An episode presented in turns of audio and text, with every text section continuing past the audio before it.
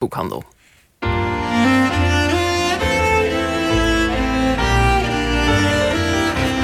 Het spoor terug.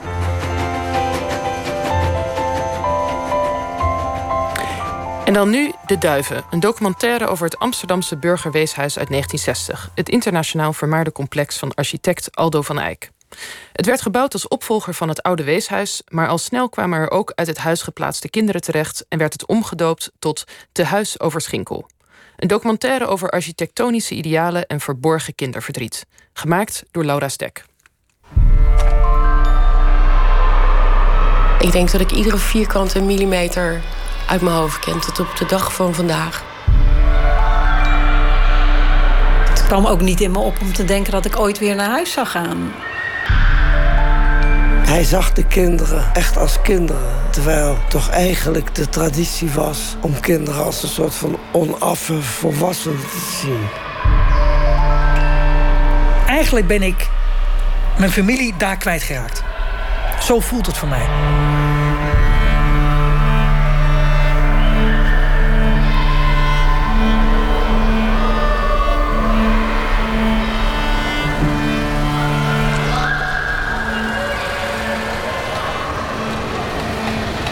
Ik was uh, tien toen ik wegging. Ik ben nu 47, 37 jaar geleden.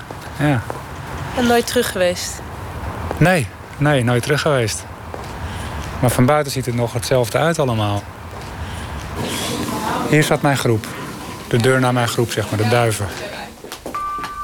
Ewald Hogendijk, 1977 tot 1981.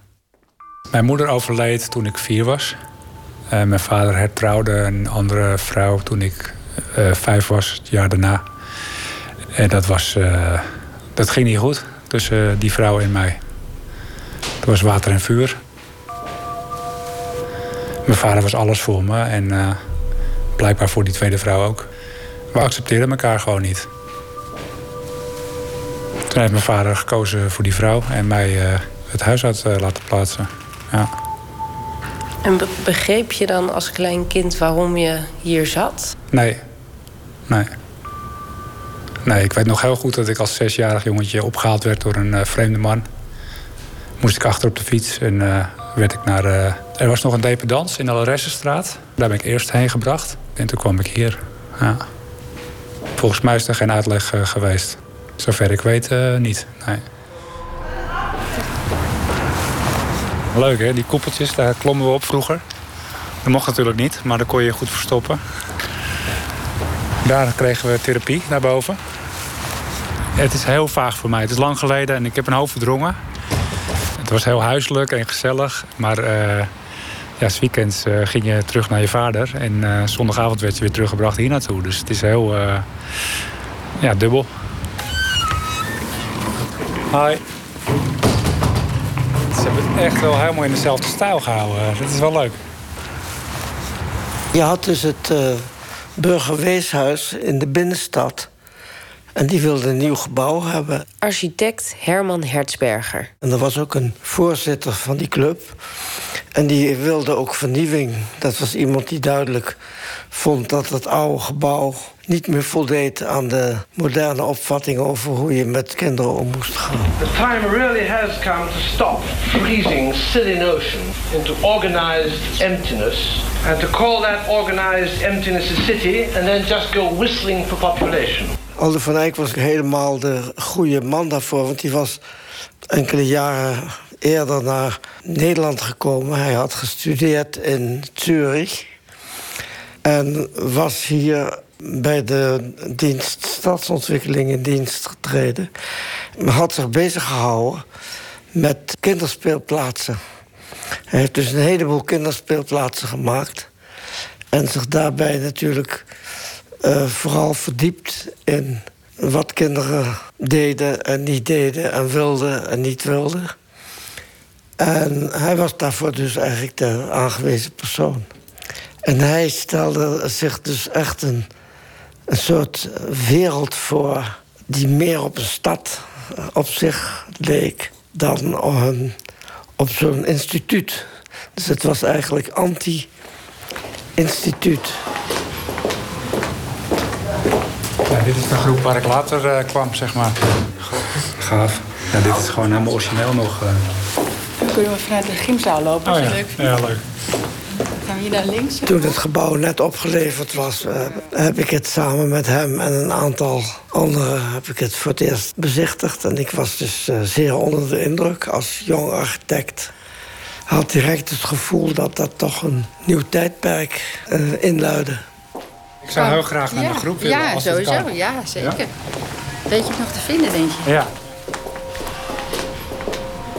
Dit noemden wij de kuil. Die lag helemaal vol met oude bankkussens en daar bouwden wij dan hutten van. De kuil werd dat genoemd, dus daar kon je huizen bouwen. Er was speelgoed, we hadden rolschaatsen. Tafeltennistafel en uh, dat er altijd ruzie was om de tv. Wat werd er gekeken? We hadden een grote zandbak. Ja, die gang daar ging altijd skaten. En, uh... Sommigen hadden ook uh, soms een tuintje, dat werd dan oogluikend toegestaan. Twee kippen die zaten in zo'n huisje en die wilden we dan laten vliegen.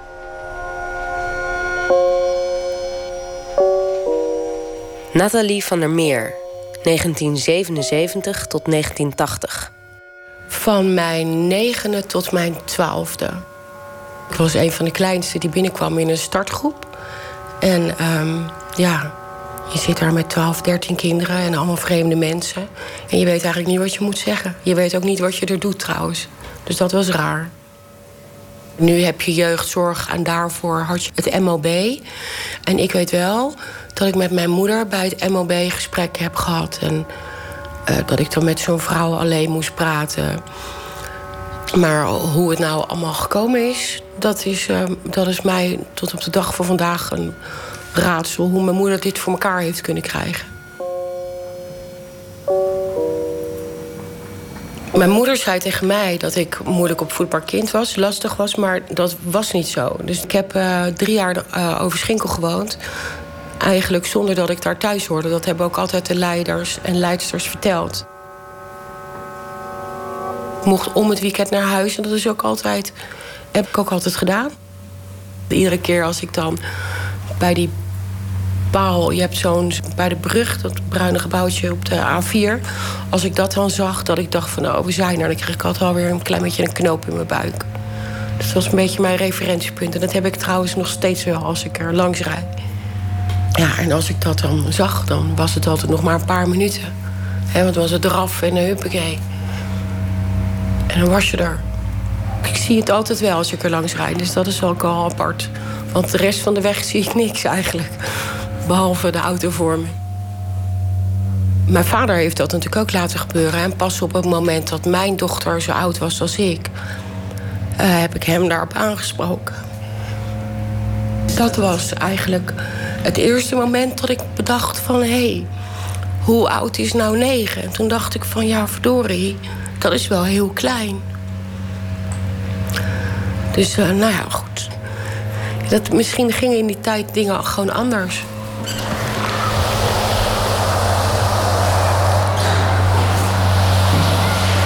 Ik vind het gebouw fantastisch. Ik heb het altijd uh, mooi gevonden. Ik vond het ruimtelijk, dus dat, die mooie ronde koepels, de kleuren. Weet je, dat, uh, dat, dat grijsachtige en taupe. En ik hou daar gewoon van. Kijk maar in mijn woonkamer, daar zie je het nog steeds. Dus, uh... Ja, de straat heeft ook allemaal betontegels. Het is heel straatachtig. En, en uiteindelijk zijn de muren gewoon van bakstenen gemaakt. Ik denk dat je dat ook moet zien in het idee van dat eigenlijk zo'n gebouw ook als een stad moet worden opgevat. Dit moet zo duidelijk zijn dat het magnifiek is. Dat als, de mens, als, je, als iemand dat niet ziet, dan zitten wij natuurlijk in de aap gelogeerd. Want dan valt het dus niet uit te leggen waarom iets prachtig is. Dante kon toch ook niet uitleggen waarom Beatrice zo mooi was. Het is gewoon, het is gewoon, is gewoon zo. Er zijn geen woorden voor. Aldo van Eyck, zijn vader was dichter. En was heel erg sterk beïnvloed door zijn vader als dichter... en ook als, door dichters in het algemeen. Eigenlijk alles wat hij deed was uh, dichterlijk. Hij heeft bijvoorbeeld ergens in het gebouw een gat gemaakt... waar je de kerstboom in kan zetten. En hebben alle collega's hebben gezegd... ja, zeg, hallo, moet je je daarmee bezighouden? Mensen weten toch zelf wel waar ze een kerstboom kunnen neerzetten.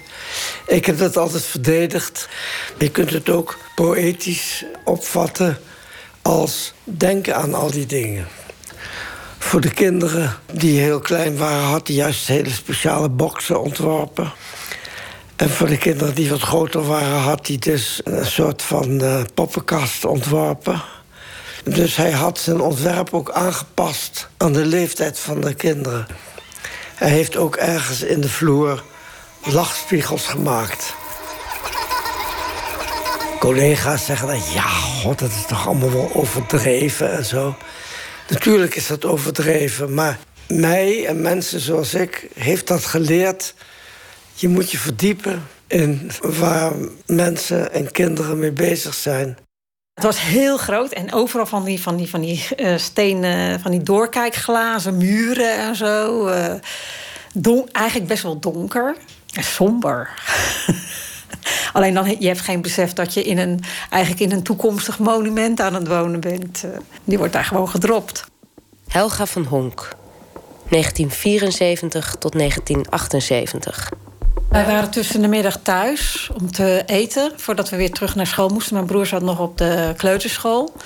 En normaal liepen wij dan van huis naar de school toe. En we voelden ons allebei een beetje raar na het eten. Ik heb toen heel lang gezeurd bij mijn moeder om, uh, om met de bus te mogen. Want je kon er drie of vier haltes met de bus. En uh, uiteindelijk kregen we dus geld voor de bus. Uh, mijn broer is, is dus in de bus al onderuit gegaan ik ben nog de bus uitgestapt en daarna omgevallen door uh, een vriendinnetje en haar moeder opgepakt, naar school gesleept. En daarna werd ik wakker in het ziekenhuis met allemaal doppen op mijn lichaam. Lag ik op de intensive care naast mijn broer. Ik kan me herinneren dat ik leeggepompt werd en dat ik boven mijn lichaam dus gezweefd heb, dat ik mezelf gezien heb. Ik weet niet of dat fantasie is geweest, maar die gedachte zit wel in mijn hoofd. We hebben drie maanden in het ziekenhuis geleefd, omdat we niet terug konden naar huis. Ik heb nooit te horen gekregen wat, er, wat ze nou precies gedaan had. Wel dat er medicijnen door ons eten zaten, maar wat het precies was, dat weet ik dus niet. Ze heeft waarschijnlijk slaapmedicijnen of iets dergelijks in de vruchtenkompot gedaan. Ze heeft ook later uh, aangegeven, niet alleen naar mij, maar ook naar de psychologen die ze natuurlijk ook toegewezen heeft gekregen, dat uh, ze het heeft gedaan om ons eenzelfde soort leven te besparen als dat zij had.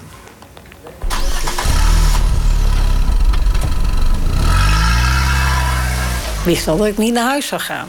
Alleen wat dan? Ja, daar heb je helemaal geen idee van. Tot je wordt uitgenodigd voor een... Uh, ja, we gaan gezellig een dagje met de auto weg eindelijk weer eens een keer buiten. in plaats van in het ziekenhuis. Eh, dus ja, was het spannend. En dan zit je opeens in een doorgangshuis in Amsterdam. Op dat moment was ik echt heel erg kwaad. Zo van, ik wist toch dat ik niet naar huis ga. Je had het me minstens kunnen vertellen. Maar ze waren waarschijnlijk bang dat we dan zouden ontsnappen of zo. En, en spraken jullie met elkaar over wat er was gebeurd? Nou, eigenlijk niet. Je was eigenlijk meer bezig. Je gaat naar school, uh, je doet dingen, je speelt. We hadden rolschaatsen. Als we geen rolschaatsen hadden, dan hadden we tonka's. Nou, die kon je ook gebruiken als rolschaatsen. Dan kon je mee door die grote gangen lekker van de treetjes af. Voorganger van een skateboard. je had een fiets. Je had het Amsterdamse bos vlakbij. Dus ja, dan nam je een, een bootje mee. En dan ging je lekker het Amsterdamse bos in. Een beetje fietsen. Schaatsbaan erachter. Dan mochten we, als het seizoen was, mochten we er gratis heen. Dus en de Schiphollijn werd gebouwd, dus je, ja, je was vooral buiten. je had twee van die zijvleugels. En daar, in het midden had je dan zo'n doorgang met, met gebouwtjes erboven. Dan moest je onderdoor. En dan ging er ook nog een trap naar beneden. En kwam je in een hele grote hal. Met allemaal ruimtes, met deuren. Dan had je zeg maar daar in de hoek, daar zat uh, zeg maar uh, de, de meeuwen. En dat was eigenlijk de laatste groep. Als je dus heel lang in het huis moest zitten, rond je 18e, 21e, dan zat je daar. En dan was je eigenlijk Dat was eigenlijk wel de hopeloze groep. Daar zaten ook echt de agressieve kinderen... waar je dus op deze leeftijd al mee moest vechten. Dus het was niet altijd gezellig. Je had de meeuwen, de groefs, de eagles, de duiven, de hobbits, de merels en de startgroep. Ik denk dat die bedacht zijn, die volgenamen. En dat de andere groep het zelf bedacht hebben. Nico Stammes, begeleider, 1980 tot 1986. 77, toen ging ik daar stage lopen op een groep die heette de Eagles. De, Eagles was natuurlijk van de band, de Eagles. En uh, die naam mocht, heel democratisch voor die tijd, mochten de kinderen zelf bedenken. En er was een zinnetje in Hotel California: You can check, you can check in anytime, but you cannot check out. Hoe gaat het?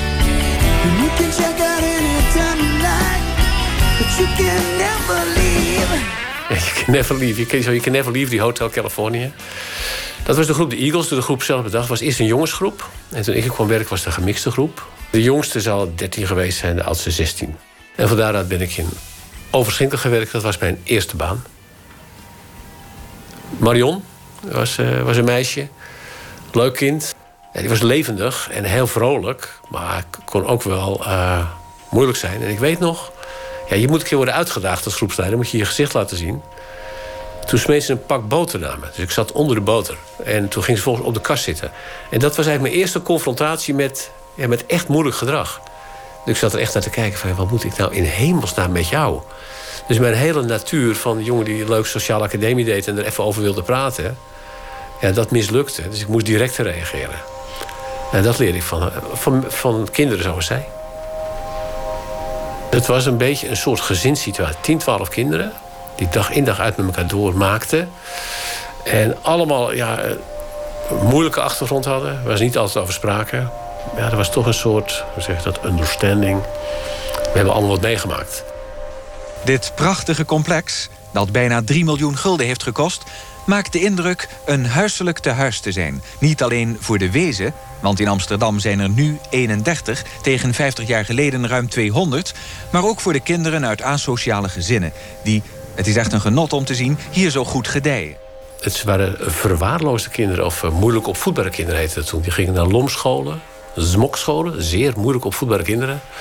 Uh, ja, dat waren ze natuurlijk wel, maar dat had natuurlijk wel een oorzaak in het gezin. Het klinkt heel veroordelend. Het klinkt alsof, wij er ook moeite mee, alsof het aan het kind lag. Er waren uh, kinderen die hadden gezien hoe hun vader uh, de moeder had uh, vermoord met een bijl. Er waren ook kinderen van drugsgebruikers. we hadden bijvoorbeeld een hele... was een jongen, die had onwijs mooie ouders. Was zelf ook een heel mooi jongetje. Maar die ouders, dat waren echt van die hippies... die zwaar aan de drugs waren. Die kwamen dan af en toe op bezoek. Die hadden zo'n Afghaanse hond. En ah, die zagen er echt spectaculair uit. en ze kwamen in Overschenkel en dat was dan een zeehuis, een status zeehuis. En dat heette dan een behandelhuis. Er was een psychiater, was een psycholoog, was een creatief therapeut. Uh, speltherapeut was er. We deden aan gezinstherapie, was voldoende maatschappelijk werk. Dus er was echt wel uh, een professionele instelling... die ook uh, ja, heel zorgvuldig de intakes deed, bijvoorbeeld.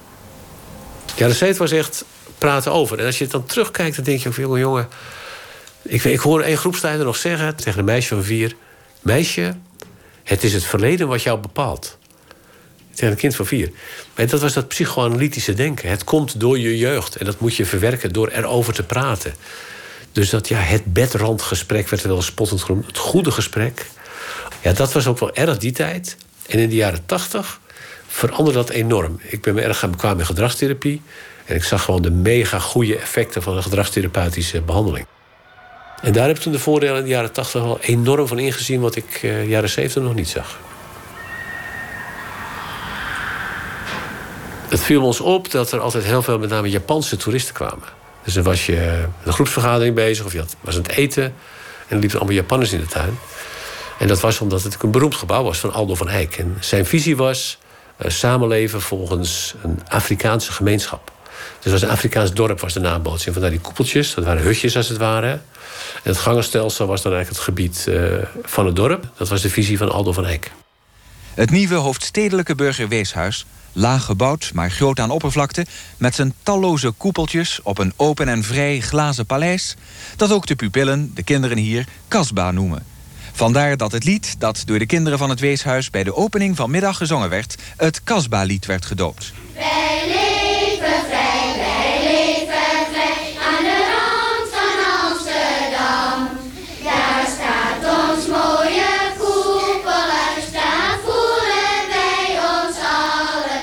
Menige keer ben ik op dat dak geweest. Op straffen van geen geld, geen zakgeld. Je kreeg wekelijks geloof ik twee kwartjes of zo. Anton Zegveld, 1974 tot 1977. Ik praat nog wel veel en uh, sommige mensen zeggen van... ja, je praat heel druk, je bent heel druk, je praat hard en dienst. Maar uh, ik vind dat zelf wel meevallen.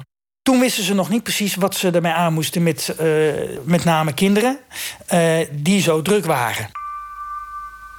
Ik kon moeilijk uh, leren. Ik uh, ging altijd uh, aandacht zoeken bij andere leerlingen. En op een gegeven moment dachten mijn ouders van... dit, dit gaat zo niet langer. hij is ook niet te handhaven thuis. En we moeten daar maar eens een psychologisch onderzoek naar laten doen. Waarschijnlijk heeft hij MBD, Minimal Brain Dysfunction. Dat was toen de populaire term. we kunnen twee dingen doen. A, hij gaat naar een inrichting. Uh, of uh, naar een kinderthuis. Uh, ja, zo dus.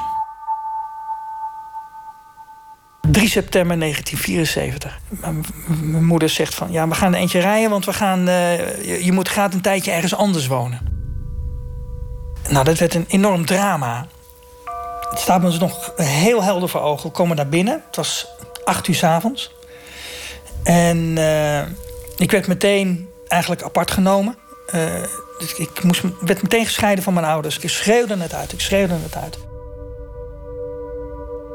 Er werd met de ouders gesproken over mij waar ik dus niet bij was. En ik, ik heb de hele nacht niet geslapen. Uh, ik wilde mijn ouders bellen van waarom, waarom ben ik hier, waarom ben ik hier. Het werd mij gewoon niet uitgelegd. En dat neem ik mijn ouders tot op de dag van morgen zelfs helemaal kwalijk. Ja, uh, nou, zeker een aantal keren per maand heb ik daar last van.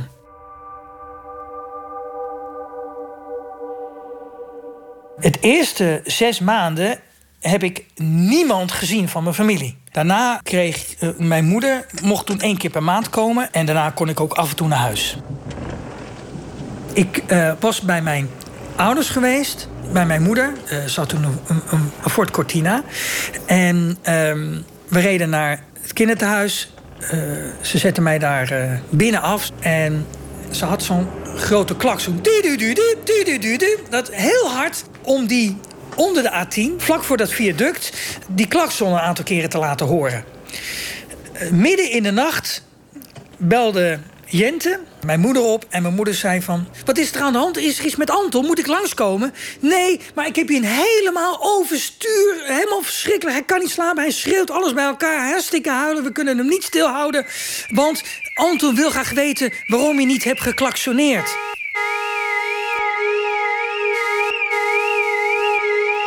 Zo diep zat het, het verdriet.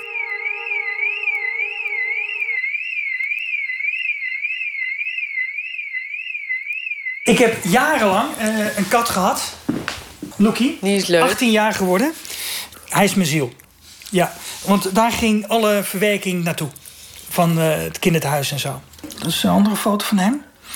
En... Uh, het is eigenlijk een soort glazen kastje met allemaal herinneringen erin. Ja, genegenheidskastje. Ja, dat is, en dat zijn mijn schoentjes die ik heb ge gehad heb. Uh, dat is het horloge van mijn moeder. Ehm, daar ook nog een foto van mijn moeder. En uh, uh, dat is uh, een geboortetegeltje. Mijn moeder zei altijd van ja, als ik ooit terug wil komen, wil ik als meeuw terugkomen. Dus foto van een meeuw daar. Het is zelfs zo, je ziet hier een huisnummer, nummer 8. Dat is ook mijn lievelingsgetal. Ik woonde op de Irenelaan nummer 8. Dus ik ben toen jaren later, toen het huis voor de zoveelste keer was verkocht, naar naartoe gegaan om te vragen of ik die 8 mocht hebben. Nou, ze hadden een nieuwe 8 eroverheen gespalkt of uh, geschroefd. Dus hij lag, stond erachter, dus, dus ik moest daarop wachten. Dus ik kreeg hem uiteindelijk. Dus, uh, dus was, dat was het huisnummer waar jij bent weggehaald? Ja, ja. En waarom heb je dit? Ik heb geen gezinsleven gehad totdat ik het huis uitging. Waardoor ik ehm, heel erg aan het verleden hang en heel veel dingen vasthaal. Uh, uh, als ik het moeilijk heb, ga ik hier staan.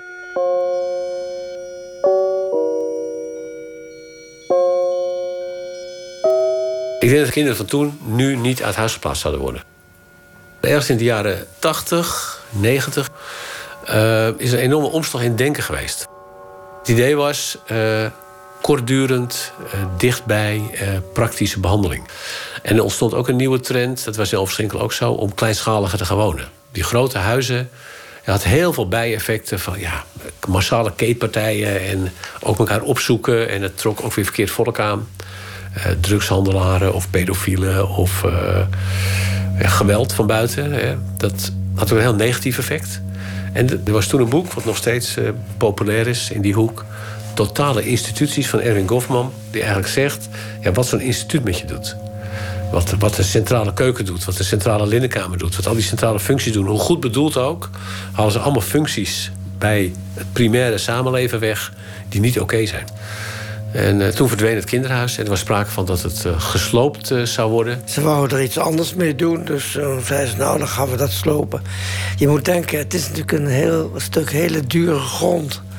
Het is deel van die enorme Zuidas. Dus je doet nogal wat als je een plek waar je ook een, een toren van 80 verdiepingen zou kunnen neerzetten. Tegenwoordig zou je dus een mail over de wereld sturen. Ik heb briefkaartjes gemaakt. Waarop ik alle collega's overal internationaal waarschuwde: jongens, gaan dit, ze willen dit opbreken. Laat je stem horen. En toen hebben we dus een grote krant gemaakt. waar we al die reacties van al die internationale mensen in hebben gezet. En ook kunstenaars hier in Nederland, Karel Appel en al die mensen hebben allemaal commentaar erop gegeven. Ja, dat heeft de mensen toch wel aan het denken gezet. De uh, erfgenamen van Van Eyck die hebben altijd ervoor gepleit dat er iets met kinderen in zou komen.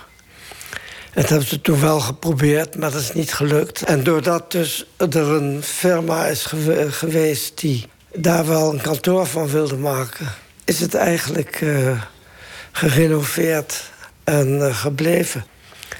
Dus ik heb gezegd, ja, Van Eyck die zou het niet hebben overleefd. Maar het, het, gebouw heeft het op die manier wel overleefd. En dat is uiteindelijk toch waar het om gaat. Ik weet van kinderen dat ze er nog wel eens langs rijden. Of dat er vragen komen, waar staat dat huis en waar was het ook alweer? Er is een boek van Rudy Kousenbroek. En die zegt, uh, er is niets ergers dan de weg te weten in een huis wat niet meer bestaat. Je kunt je afvragen, wat is nou dus het belang om zo'n gebouw te koesteren en te bewaren? Dat is dat het echt een culturele daad was. Een stap in de culturele ontwikkeling, in de bewustwording van mensen. En ook als zodanig vind ik dat je dingen moet handhaven. Zo'n kinderthuis tekent je leven volledig. Ik denk dat het heel veel invloed heeft op wie ik ben. Ik voel me nog steeds wel, soms wel eens onbegrepen. Op de een of andere manier slaat soms onzekerheid wel toe, terwijl ik denk dat het niet zou hoeven. Dat vertrouwen blijft altijd fragiel bij mij. Alleen je laat het, als je, als je een beetje geluk hebt, laat je het niet zo goed zien. Ik denk dat het me ook wel veel gegeven heeft. Misschien dat je op een jonge leeftijd wel een stuk volwassener wordt dan anderen. Of dat je wat empathischer wordt. En dat ik toch heel dankbaar ben dat ik er heb gezeten.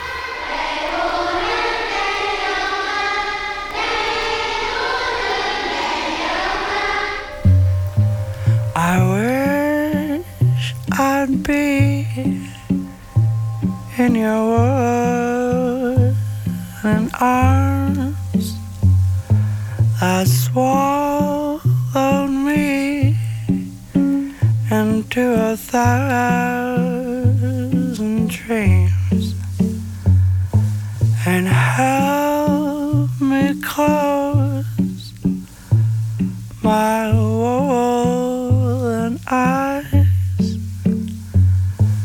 that we just like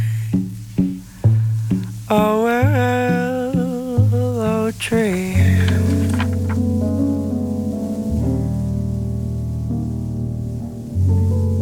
Dit was De Duiven over het burgerweeshuis van Aldo van Eyck. Gemaakt door Laura Stek met audio-eindmix door Berry Kamer. Met dank aan Sharon Oldekotte Vrolijk en Claudia van Wier van BPD. En ook dank aan Jack Zwart. Kijk op artra.nl met A-R-T-T-R-A voor de maandelijkse rondleiding in het Burgerweeshuis.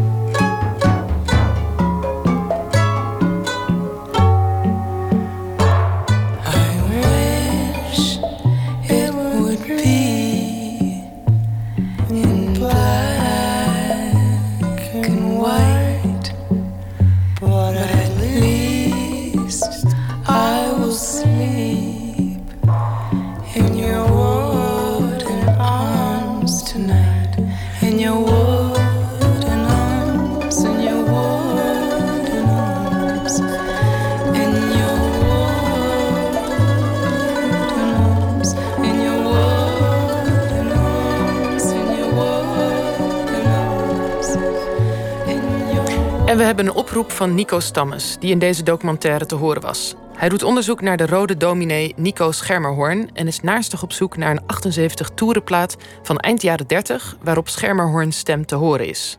Uitgegeven door de Verenigde Anarchistische Uitgeverij. Mocht u die in huis hebben, mail dan naar ovt.vpro.